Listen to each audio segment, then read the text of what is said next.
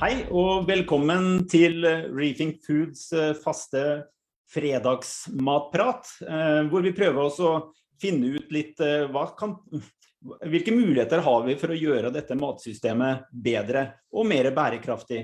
Eh, Og på disse samtalene så inviterer vi jo inn ulike eksperter for å belyse temaene. Og temaet som vi skal ta for oss i, i dag, det handler om gift, egentlig. Eh, gift i matproduksjon, det høres jo ikke særlig, særlig bra ut. Eh, Men det er jo sånn at eh, skadedyr og sopp og andre organismer eh, er jo der og vil gjerne spise opp maten vår, dem også. Og hvis vi ikke klarer å holde det i sjakk, så har vi et problem. Det er faktisk sånn at omtrent en sånn tommelfingerregel at 40% av produksjonen blir eh, borte pga. skadedyr av ulike, ulike slag. Eh, og da er gift en mulighet, eh, men det finnes heldigvis andre muligheter. Eh, og ukens ekspert det er Silje Stenstad Nilsen fra firmaet hun har starta sjøl, Biologisk AS. Velkommen, Silje. Takk. Du har rett og slett starta et rådgivningsselskap for å hjelpe bøndene å ha kontroll på disse skadedyrene og organismene uten å bruke kjemiske giftstoffer. Eh, Og, og da er det noe som heter biologisk plantevern som, eh, som er stikkordet. Eh, Du må sette oss inn i dette. Hva er biologisk plantevern? Jo, eh, biologisk plantevern er jo et alternativ for å bruke kjemi. Eh, og der er det masse fine historier, og det er mye positivt ved å bruke biologisk plantevern. Eh, F.eks. det jeg jobber mest med, da, er bruk av nyttedyr. Eh, nyttedyr er makroorganismer som eh, vi bruker, som spiser egentlig opp skadedyrene på plantene. Et godt eksempel er jo f.eks. skadedyret trips, som man ofte har problemer med i agurk. Har man for mye trips i agurk, så får man faktisk krokete agurker. Det vil si at det blir jo en B-vare, den kommer ikke inn i plastmaskinen. eh, Og passer heller ikke kastende ut i butikken. Eh, Så da er jo det på en måte noe som ikke blir solgt som eh, førstevare. Det som man gjør mot denne tripsen, da, det er å bruke et nyttedyr, en rovmidd. Og den rovmidden, den kan man henge ut på agurkplanta i små poser. Det som er så genialt med de små posene, er at eh, den, eh, den har en matpakke midt, sånn at den lever en god stund. Og så klatrer den ut på planta, og så spiser da skadedyret trips. Eh, og det her er helt vanlig å bruke i agurk, og det fungerer utmerket. Så, Så- så altså, trips Nå vet ikke jeg hvordan en trips ser ut, det burde jeg sikkert vite egentlig, men, men ja, den eh, er veldig liten. Den er ikke mer enn én millimeter lang. Eh, Ja. Så det, altså du, ja, du kan se den med den blotte øyet, eh, men, men eh, gjerne ha en lupe, en, en sånn liten lupe når man går rundt i veksthuset. En meget eh, liten krabat som Ja. da gjør mye skade til tross for sin størrelse. Ja. Og for å fjerne den, da, så har du en midd som er, hvis jeg husker her er riktig, så er det en slags liten edderkopp, stemmer det? Ja, det stemmer. Ja, utrolig. Jeg er fornøyd når jeg husker noen ting fra, fra lærdommen, av gammel lærdom. Men, eh, og da er det edderkoppen som rett og slett eh, spiser opp denne tripsen. Ja, den, den, eh, den spiser den, eh, og den kan spise mye. Um, og det er, eh, det er ulike måter å bruke disse, det nyttedyret mot trips. Altså har du f.eks. krydder, da, hvor du har på en måte pottekultur, så er det faktisk noen som bruker en nyttedyrblåser. Uh, det vil si at det ser nesten ut som en sånn løvblåser med en, en eh, kanne på, på Eller en tank på ryggen, hvor de blåser ut nyttedyrene over krydderpotterne. Eh, og da, da får man en jevn utstrøing av disse nyttedyrene. Eh, Så, så på en måte så eh, Dette var dreid seg om agurker. Eh, og det du da hjelper agurkprodusenten med, er å holde seg med noen veldig små husdyr eller husinsekter. Ja. Eller husedderkopper, det er jo ikke insekter der. Eh, som, som man må bare passe på å ha nok av. For at man man ikke får skader på, på plantene. Og Alternativet hans er da å bruke eh, rene giftstoffer, eh, går jeg ut ifra? Ja, altså det er jo eh, Det som er veldig viktig da når du bruker nyttedyr, er å være i forkant. gå og sjekke plantene. Ha også limfeller som man bruker for å, for å sjekke når har man skadedyr, og hvor mye skadedyr har man. Sånn at hele clouet og, og løsninga for å lykkes med biologisk plantevern er å være eh, i forkant. Um, og ja, hvis man ikke har på en måte eh, nok av nyttedyrene, for mye av skadedyrene, så, så, blir det vanskelig å få det til. Så det er egentlig ganske mye teknisk, og man skal ha eh, Man skal tenke også på hvordan klimastyringa er i veksthuset. Um, slik at uh, det er en del tekniske ting man må, må, passe på for at det skal fungere. Nå, nå, lever jo du av å få dette til å funke, så jeg går ut fra at du uh, er heldig om at det funker. Ja. Men eh, hvis vi tar nå da agurkproduksjon i Norge og ja, Europa, hvis du ikke har kjennskap til andre land, er det vi snakker om nå noe som er liksom en sånn rådende praksis som er et uh, åpenbart uh, alternativ som de, de, vet om, eller er dette noe som uh, litt idealistiske og økologiske produsenter holder med på, holder med på av, av egen, egen, motivasjon? Altså, er det i kommersiell sammenheng denne måten man kan produsere agurker på? Ja da. Og det, de aller, aller fleste som produserer grønnsaker i veksthus i dag, bruker nyttedyr. De bruker masse nyttedyr, og det fungerer veldig bra. Um, men det er også muligheter for å ha mer bruk av nyttedyr, altså at vi har mer tilgang til nyttedyr som f.eks. andre land har. Um, slik at uh, vi har på en måte mer verktøy i kassa når det kommer inn skadedyr. Men å bruke nyttedyr er, har vært gjort i mange, mange år. Og for gartneren selv så er jo det her helt soleklart. Uh, men så er det det at vi forbrukere vet kanskje ikke så mye om det. Og det er jo det også jeg brenner for, at eh, mannen i gata skal vite at eh, det er veldig mye bruk av biologisk plantevern i produksjonen i dag. Jeg ville jo tro at eh, uh, hvis du sier til uh, egentlig de fleste forbrukere at her kan du Eh, her kan du liksom velge å kjøpe disse agurkene som ser fine og flotte ut eh, da, eh, hvor det ikke er brukt gift.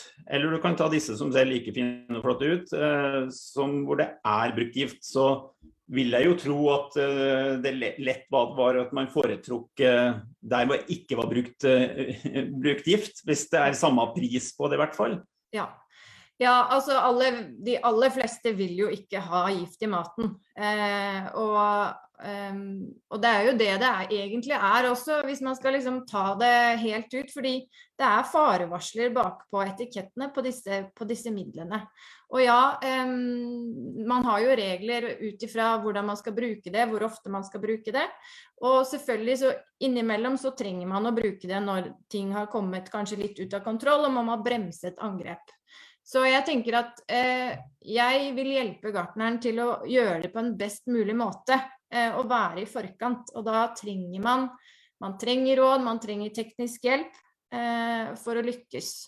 Mm. Um, og så er det noe med det at vi skal jo tenke ut ifra helse også. Det er jo ikke Det er jo ingen som liker å sprøyte. Um, helsa til gartneren skal jo også ivaretas. Og plantehelsen også. Eh, plantene blir jo på en måte tilbakesatt når de blir sprøyta. Eh, og så er det noe med det at biologisk plantevern, da, det er eh, Alle kan bruke det. Det er ikke noe Du trenger ikke noe kurs, du trenger ikke noe autorisasjon, sånn som du gjør med kjemisk plantevernmiddel. Da må man jo ta en eksamen også. Og man må kunne lese norske etiketter. Eh, for å dra det helt ut, så kan man bruke nyttedyr samtidig som man spiser lunsjen sin. Altså det fins ikke skadelig. Um... Nei, for nå, nå, eh, Det er jo et poeng da, at uh, det er jo gift. og når, når, vi sier det og noen sitter og hører på som kanskje ikke har tenkt så mye over det, så, så ble det en sånn aha-opplevelse. Men norske myndigheter kontrollerer jo og har overvåkning over at det ikke er giftstoffer igjen i produktene når du kjøper det og spiser det. Så det handler ikke om at, at maten er farlig når man har brukt kjemiske sprøytemidler. Men det handler om at du kan gjøre det helt uten. Ja. Og så sa du at det innebærer også at planten da ikke må liksom håndtere den gifta som en helst ikke vil ha, så den plantehelsen eller planten får det litt bedre. Mm. Men så var det òg det poenget for gartneren. Han går jo i dette rommet med disse stoffene som av og til er eh, ganske så farlige, eh, og må ha spesiell godkjenning for å rett og slett drive med det. Mm. Eh, hvor krevende er det å få lov til å bruke giftig matproduksjon, for å si det sånn? Ja, altså Du skal jo ha en dokumentasjon på det, og du skal ha en, ja, en autorisasjon. Eh, sånn at det krever jo at du er oppdatert på bruk. Um, og så er det noe med det å, å sette av tiden da, til å, å, sprøyte. Og det tar jo tid, og det er jo Jeg vil jo påstå det at ikke det er en hyggelig jobb. Eh, kontra det å bruke biologisk plantevern, som på en måte alle kan bruke. Og alle i veksthuset kan gå og sette ut så ja. Men, men, potensialet her eh, Vi hadde jo en liten peptalk eh, i, i, går, for jeg måtte jo Jeg har hørt om eh, integrert plantevern og, og disse tingene. Når jeg var student for 30-40 år siden, så var det Eline Hågvar, som du kanskje har hørt om, som hadde introdusert snyltevepsene. Og da var det, det litt sånn banebrytende. Kona mi studerte sånne fag, så jeg fikk hørt om alle disse fantastiske snyltevepsene. Og, og, jeg må innrømme at den gangen så tenkte jeg ja ja, det er jo det er vel sikkert noen som uh, har troa på det umulige er mulige, så det, det, feel free. Men, men, det har jo da blitt uh, i kommersiell bruk, og det er mulig å produsere flere produksjoner uh, uten bruk av kjemi, eller med svært liten, ved å da bruke nyttedyr og, og tilsvarende istedenfor. Mm. Hvis jeg husker det rett fra i går, så, så sier, sa du noe sånt som at tomater, agurker, jordbær og urter Der er det et fullgodt alternativ til kjemiske eh, eh, midler gjennom biologisk plantevern. Eh, og det ser ut som du nikker, så da stemmer det. Men, men, men, da er jo det et ganske sånn eh, tydelig budskap at der trenger man heller ikke å bruke da gift. Nei, altså um, urter er det jo kanskje litt spesielt, for der spiser du selve Du spiser jo hele produktet.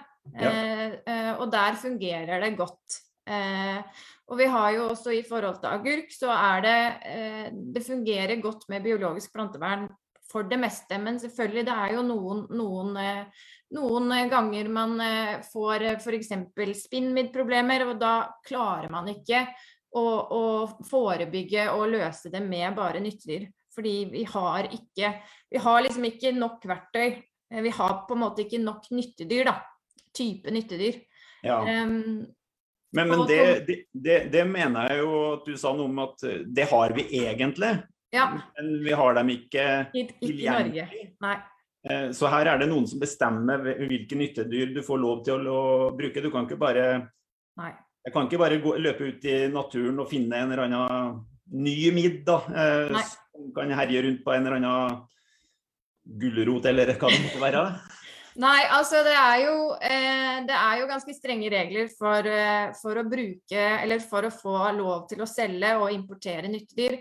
Og det skal det også være, fordi vi skal ikke, vi skal ikke tulle med økosystemet. Eh, det syns ikke jeg heller, men, men eh, hvis man sammenligner bare med Sverige og Danmark, så har vi ganske mye mindre å velge mellom eh, i forhold til det. Og det er jo snakk om eh, nasjonale eh, regler og godkjenninger eh, som det her eh, går under. Eh, og det er faktisk tre ulike regelverk man må gjennom når man skal få godkjent et nyttedyr. Ja, og Vil det ofte dreie seg om at du da kjøper et nyttedyr fra et eller annet sted i verden, eller er det en sånn produksjon av nyttedyr eh, i Norge også? Nei, kanskje en vakker dag så har man også produksjon av nyttedyr her, men, men, det blir laget i store veksthus i utlandet, og så er det firmaer som da eh, kjøper av disse og, og, og, på en måte lager det og importerer det til Norge. Sånn at um, det er en veldig sånn spesial og sær, sær, bransje, men det er en bransje som er i vekst. Mm. Fordi um, vi ser nå at uh, det er skadelig for jorda, for plantene, for oss mennesker å bruke for mye kjemisk plantevern. Og så er det jo noe med det å tenke Det snakket vi også om i går, det med å tenke helhetlig. Eh, og, og, det med å også kanskje prøve å bevare det som allerede fins fra før. da. Og så har jo vi snakket mye om, om, det å bruke nyttedyr i veksthus, men det er jo også store muligheter for å bruke det på friland. Eh, det finnes jo mange naturlige nyttedyr på friland. Du har jo Vet ikke om du har hørt om gulløye? Å jo, det er min favorittpotet. Ja, det er jo også mitt eh, favorittnyttedyr. Altså det er jo Den har jo fantastiske, flotte gulløyer, og så har den de nettvingene. Eh, og hvis ikke du vasker vinduene så godt, så ofte så, så sitter de ofte der. Eh, det som er da, er at denne, denne voksne gulløya som vi ser, den er jo bare vegetarianer. Så den spiser jo ingenting. Men, men selve larvestadiet spiser lus. Du kan spise 50 lus om dagen.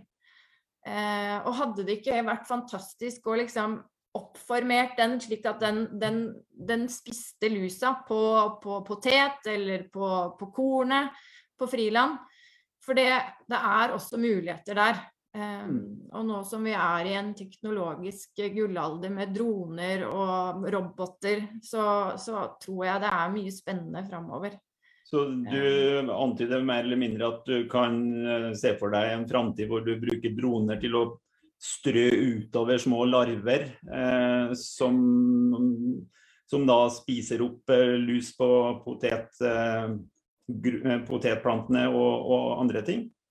Ja, altså det er, eh, det er, mange år siden jeg så en film med droner eh, i, i, Frankrike, i maisåkrene. Hvor de brukte da snylteveps, faktisk.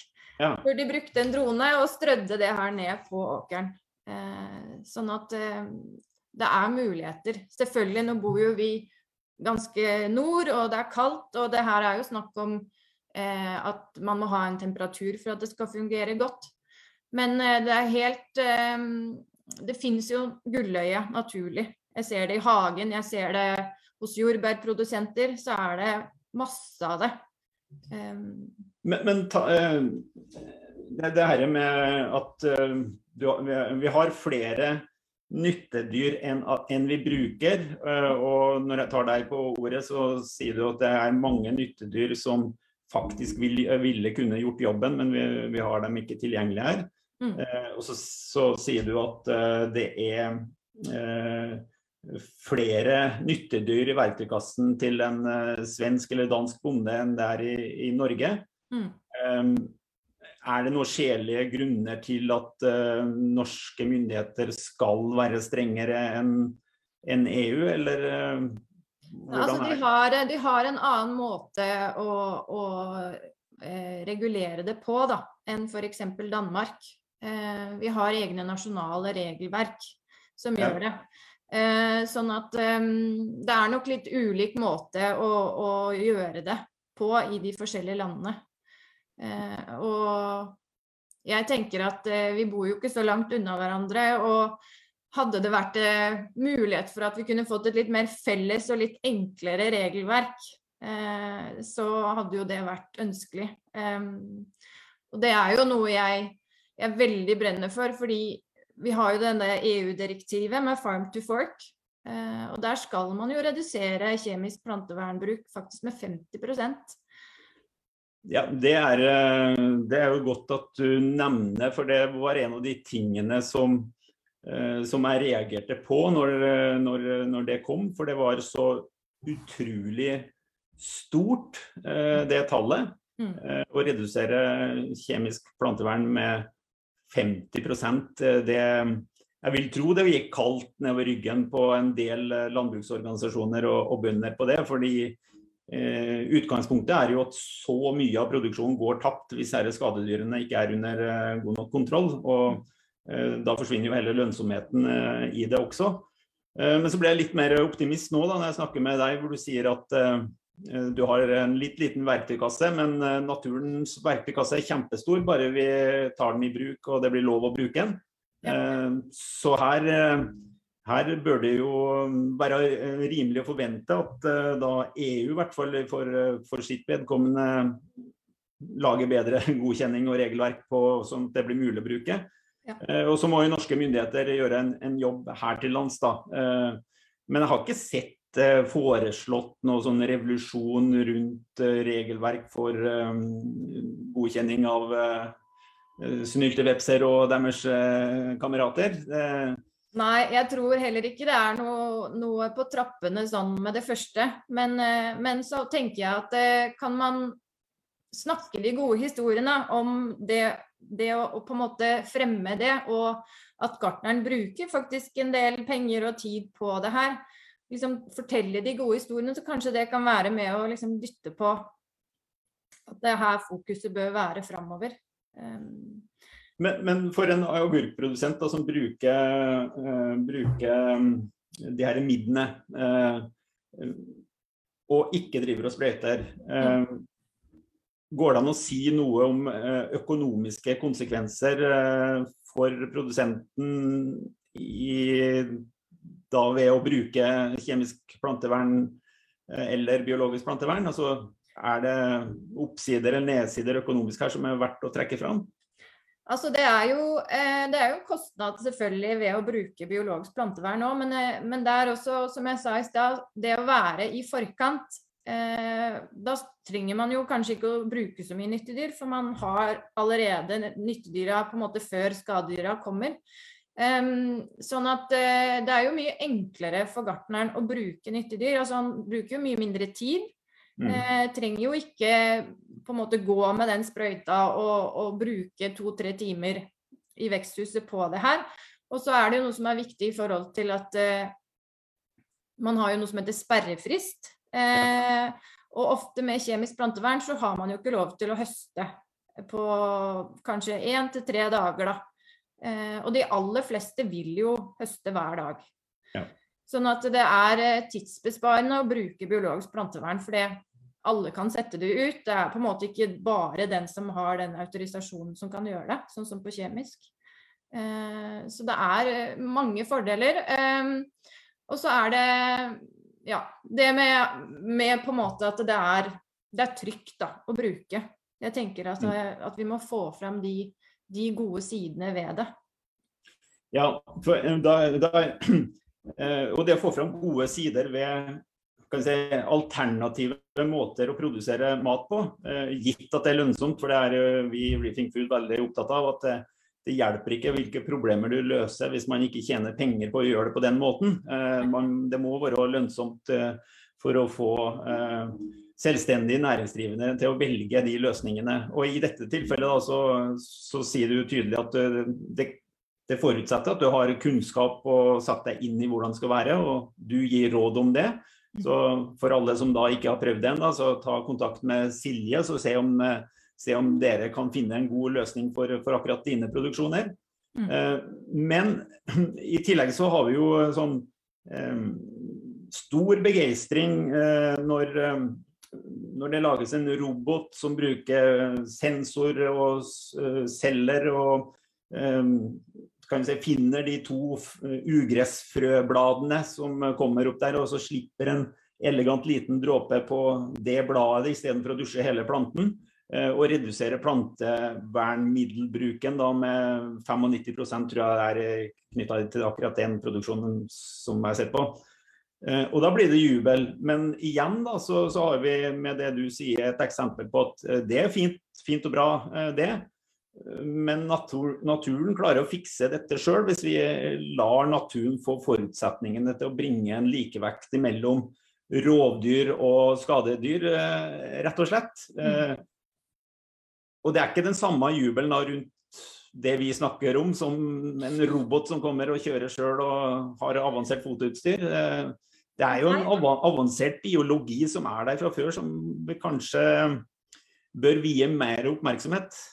Ja, eh, helt klart. Og det er jo på en måte målet mitt. Eh, det, det med å koble teknologi opp mot biologi.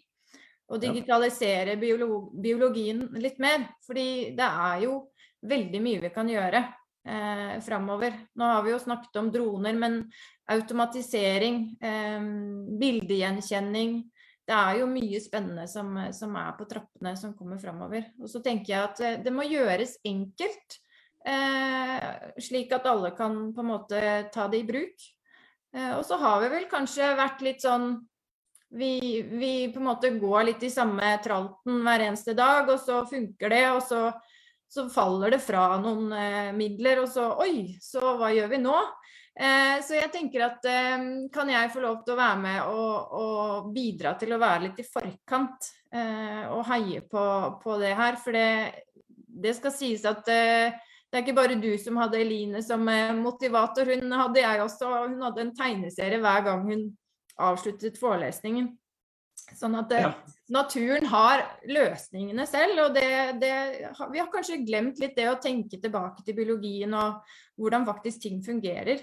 Ehm, jeg tenker at det, det er mye kunnskap vi må kanskje dra litt fram igjen. Det, det tror jeg du har, ehm, du, tror jeg du har eh, rett i. og Vi har sagt tidligere her i disse disse livesendingene, som for øvrig også sendes på, som podkast på, på, tirsdager. Eh, så gå inn på Spotify og Apple og last ned Reefing Food. Da, det, er det mulig å høre, høre, på vår prat en gang til, eller uh, ta den første gang da. Uh, men det vi har snakka om uh, tidligere og løfta fram, og hvor jeg har sagt at jeg er rett og slett imponert over over EU. Og jeg er absolutt ikke en person som alltid er imponert over EU. Men i deres pakke da med, med strategien Farm to Fork, Green Deal på en økonomisk uh, vekst som ikke forbruker ressurser, og, og sirkulærøkonomistrategi og carbon farming, så er det jo en gjennomgangsrød uh, tråd her som handler om, om å bruke naturens egne eh, virkemidler, og ikke minst da gjøre naturen mest mulig ja, robust, er jo et slitt uttrykk, da, men eh, gjør naturen i stand til å, å klare seg sjøl og være, være, det fremste verktøyet som man bruker i matproduksjon. Mm. Eh, og så har det jo sagt at eh, matsystemet til Europa er dysfunksjonelt. Eh, jeg blir imponert eh, over alt som kommer på jordhelse, carbon farming og herre med sprøytemidler eller kjemikaliebruk eller reduksjon av det. Eh, og har forventninger til, til, at de faktisk da får det ut i, i regelverk. og da, da går jo du en lys framtid i møte, da, for da er jo du spisskompetansen på det som skal kjennetegne et uh, mer bærekraftig uh, jordbruksproduksjon i framtida, så vidt jeg kan lese ut av signalene. Ja, eh, jeg vet at det er en bransje i vekst. Eh, og jeg, eh, jeg, jeg syns det er utrolig spennende å kunne bruke det som allerede finnes i naturen, og, og finne nye måter å løse utfordringene våre på. biologien er jo komplisert, men den er jo enkel også. sånn at jeg ser at det, er en fremtid i biologisk plantevern, og, og jeg håper at vi eh, regelverket kanskje blir litt enklere for å få godkjent nye, nye produkter. Um, ja, der, eh, Nå vet jeg ikke om eh, eh Jeg snakka med en dame i Landbruksdirektoratet tidligere i dag. Jeg kan kanskje ringe opp henne igjen og høre hva han kan gjøre på, på regelverkssiden. Ja.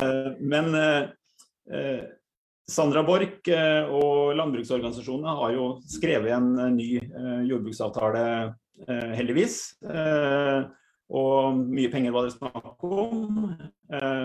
Eh, det er jo også nødvendig å få slike muligheter inn i disse jordbruksforhandlingene, sånn at man legger til rette for et gradvis skift over til en annen måte å gjøre det, gjøre det på, med mindre skadelige effekter mm. og fortsatt sterk økonomi for, for bonden. Mm. Um, så uten å kritisere noen for å sove i timen, så kan man i hvert fall si at de, de bør følge med nå, så man ikke blir løpt ifra EU her. Eh, det er jo litt trist hvis vi skal være den europeiske landet som er seinest til å slutte med kjemisk giftbruk i matproduksjon, mens EU blir superdyktig på snylte vepser og midd og, og, andre ting. Det, det ville jo være flaut, for da gir vi jo fra oss et forsprang. For det, det, er, jo, det er, jo, ganske bra, mye bra ved den norske, norske planteproduksjonen. Ja. Eh, I forhold til gjennomsnittet i EU, i hvert fall.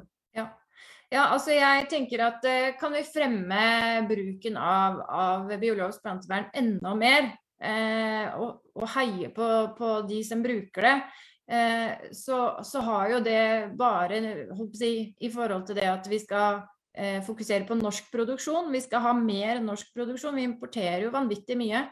Og det kan være på en måte insinuativer til på en måte for å få, få en bedre, bedre, bærekraftig produksjon. Jeg, jeg ser liksom eh, bare gode ting med det. Um, det er eh, Ja. Det er, eh, det er, mye positivt, og jeg tenker at uh, gartnerne må på en måte få litt mer kred da, for, for, for, at de gjør det her. Det er, det er, jo, Når man tenker i forhold til matproduksjon, det er de gode historiene vi må ha. Um, og så, så, kommer det enda mer og mer, og får vi mer trøkk på det her, så, så ser jeg at eh, kanskje det åpner seg for nye muligheter. Det, det, er jo en side ved det som også kommer fra, i hvert fall fra EU, og det er grunn til å håpe at noe tilsvarende utvikles for, for norsk matproduksjon. Men eh, EU er jo veldig opptatt av merkeordninger. Du kan jo nesten bli litt sånn frustrert over hvor mange merkeordninger de snakker om til enhver tid. Ja. Men eh, det er jo en, en realitet at eh, skal du synliggjøre ulike måter å produsere mat på, så må man enten ha en slags bærekraftsmerking eller en jordhelsemerking eller karbonmerking, dyrevelferdsmerking. Det er mange sånne ting. og mm. eh, det, det, er jo noe som, eh, som, ligger i Farm to Fork, altså forbedre forbrukerinformasjon, sånn at du i hvert fall vet hvordan det er produsert. og eh, samtidig motivere til at du velger på grunnlag av det du, det du vet. Eh, og da da, da, da, er det jo viktig å altså, Eller det jeg syns er vanskelig, er at det er ikke farlig å spise de agurkene som, eh, som da ikke bruker midd som biologisk plantevern. Men det er mye bedre hvis du har produsert den samme agurken uten å bruke noe som helst giftstoffer. For mm. gift er ikke bra for noen, verken jorda, planter eller han som går og sprøyter. Selv om det ikke er så veldig eh, veldig farlig for deg som spiser det. Det er sikkert noen som vil si det er farlig for den som spiser det også, men eh, jeg tror nå ikke det. Eh, og det å få den kunnskapen om slike valgmuligheter, og kanskje at forbrukerne eller politikerne engasjerte seg mer i å velge at vi skal ha en sånn matproduksjon kontra en sånn matproduksjon, det, det bør flere enn eh, bøndene sjøl og jordbrukets organisasjoner jobbe med. Eh, for det er jo, det er jo oss forbrukere som etterspør, og ikke, mm. ikke staten, egentlig. Ja.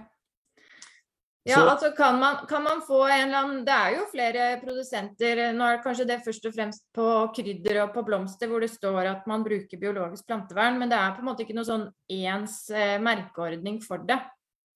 Eh, hvis man ser litt sånn internasjonalt på det, så er jo bruk av marihøne er jo egentlig litt sånn eh, et, et, fint symbol på å bruke i forhold til biologisk plantevern. Da. Jeg har sett det i utlandet når jeg har vært ja. og snoka litt på grønnsaksdisken der.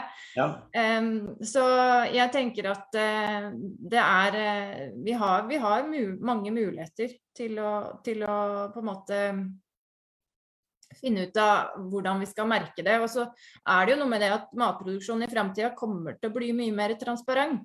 Man må vise til hva man bruker i produksjonen. Eh, det, og det er jo eh, det er jo nøkkelen at uh, vi må få en holdning til mat hvor det ikke handler så mye om hva du skal og skal ikke spise, men mer om er det produsert på en måte som gjør at neste sesong kan bli like god, eller at eh, tilgangen til mat til neste generasjon er like, like god? Det er jo mm. det som er spørsmålet. Hvordan du lager maten, ikke hva du spiser til enhver tid. Vi kommer sikkert til å spise litt sunt og litt usunt uh, i fortsettelsen også. Ja. Det er veldig synd hvis vi produserer på maten på en sånn måte at vi ødelegger faktisk grunnlaget for fremtidige generasjoner. Mm. Og, og, det igjen da var en sånn oppsiktsvekkende side ved Farm to Folk-strategien, hvor når de presenterte den, så sto tre eh, da kommissærer og sa at eh, det europeiske matsystemet er dysfunksjonelt. Vi kommer ikke til å få gode liv hvis vi ikke gjør noe med det. Mm. Og da var det 50% reduksjon av kjemiske plantevernmidler. Det var en av de tingene som de la i den planen. Ja. Veldig eh, interessant. Eh, jeg skulle ønske at vi klarte oss å dytte denne samtalen ut til mange, for jeg vet at det er mange som ikke vet om akkurat de, de mulighetene som du sier. Mm. Jeg har vært med eh, folk i drivhus, og eh, når da gartneren har peka på en sånn eske som kanskje var en agurkhus, for alt jeg vet, så, så blir folk glad når de hører at det, det finnes et alternativ. Mm. Eh, jeg kan veldig lite om det sjøl, men, men, det kan jo du. Eh, så jeg håper du får ordentlig mange kunder, eh, Silje. Takk for det. Ja, det er, det er, veldig, det er veldig mange gode historier. Og som du også husker fra, fra, kanskje du studerte, så har de jo vanvittig mye morsomme måter å drepe hverandre på og pare hverandre. sånn at jeg holder jo også inspirasjonsforedrag eller kurs. Jeg har holdt for noen barn eh, på biblioteket hjemme, og det er jo bare gøy eh, å, å, snakke om det her. Um, kanskje, kanskje, vi skulle ta en egen episode om uh, nyttedyrenes uh, metoder for å drepe skadedyr, og så gå gjennom, uh, gå gjennom den? Ja, ja det, er, det, er, en horror movie, tror jeg, for mange. Det er finurlige måter. Mm. Vi må i hvert fall komme tilbake til dette temaet. Nå har du en lang vekstsesong med mye å gjøre. Uh, og jeg håper jo at du får som sagt flere kunder bak det.